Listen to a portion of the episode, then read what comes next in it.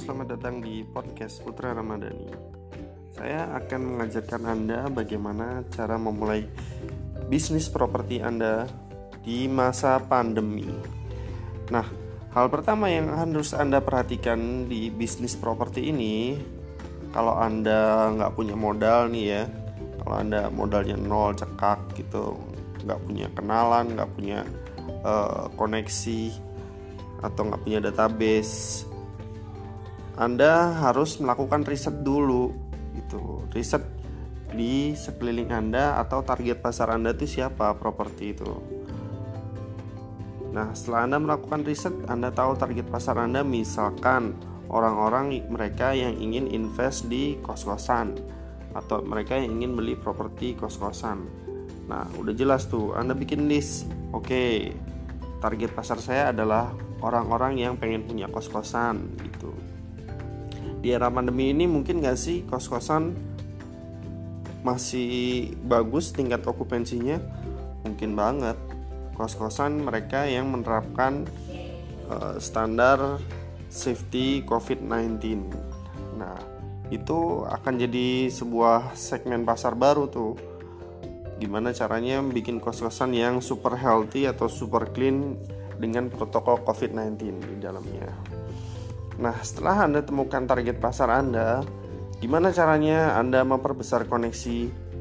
Karena penting banget nih koneksi sama database dalam bisnis apa pun ya, kayak cuma dalam bisnis properti. Nah, koneksi database ini gimana caranya dapatnya? Anda boleh gabung atau join ke grup-grup agen-agen pemasaran properti. Anda bisa dapat di mana tuh agen-agen pemasaran properti?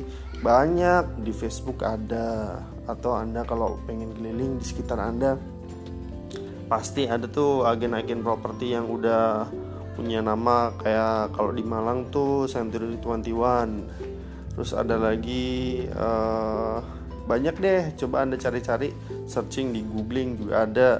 Googling googling di sekitar anda deh. Cari-cari informasi agen-agen properti yang udah ternama. Nah di situ kan pasti mereka tuh punya tuh list properti-properti yang dijual serta list uh, prospektus-prospektus klien. Kalaupun nggak ada list prospektus klien untuk Anda, calon klien untuk Anda, Anda bisa memanfaatkan sosial media seperti grup-grup Facebook. Anda blasting aja tuh properti yang kira-kiranya Anda mau jual. Misalkan kayak tadi target pasarnya udah ketemu tuh mereka yang pengen punya kos-kosan. Nah, anda blasting itu uh, data yang anda peroleh dari agen properti di mana tempat anda bergabung anda blast ke grup Facebook. 20 atau 50 grup aja anda rutin posting setiap minggu. Pasti dari 20 atau 50 grup itu ada probabilitas probabilitas paling enggak 3% ya.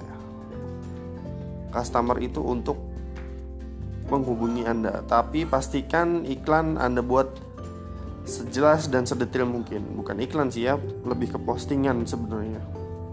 Jadi Anda buat uh, postingan Anda sejelas dan sedetail mungkin. Biar apa? Biar orang gampang menghubungi Anda, termasuk foto-foto yang di dalamnya. Anda kemas sebagus mungkin. Kalau perlu uh, kasih kolase atau kasih hiasan-hiasan yang bikin produk properti Anda stand up daripada produk-produk foto properti yang lain.